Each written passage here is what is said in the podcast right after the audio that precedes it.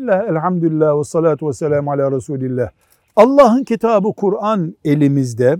Bu elimizdeki Kur'an-ı Kerim gökten böyle paket olarak inmedi. Ayet ayet, sure sure indi.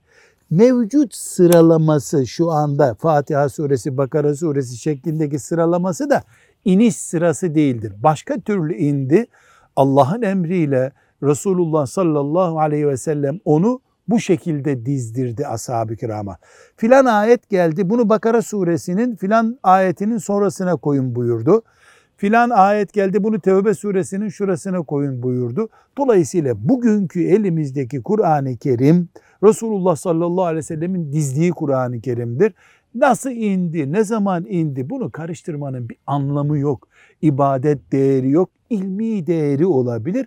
Onu da Müslüman alimler, müfessirler yaparlar. Velhamdülillahi Rabbil Alemin.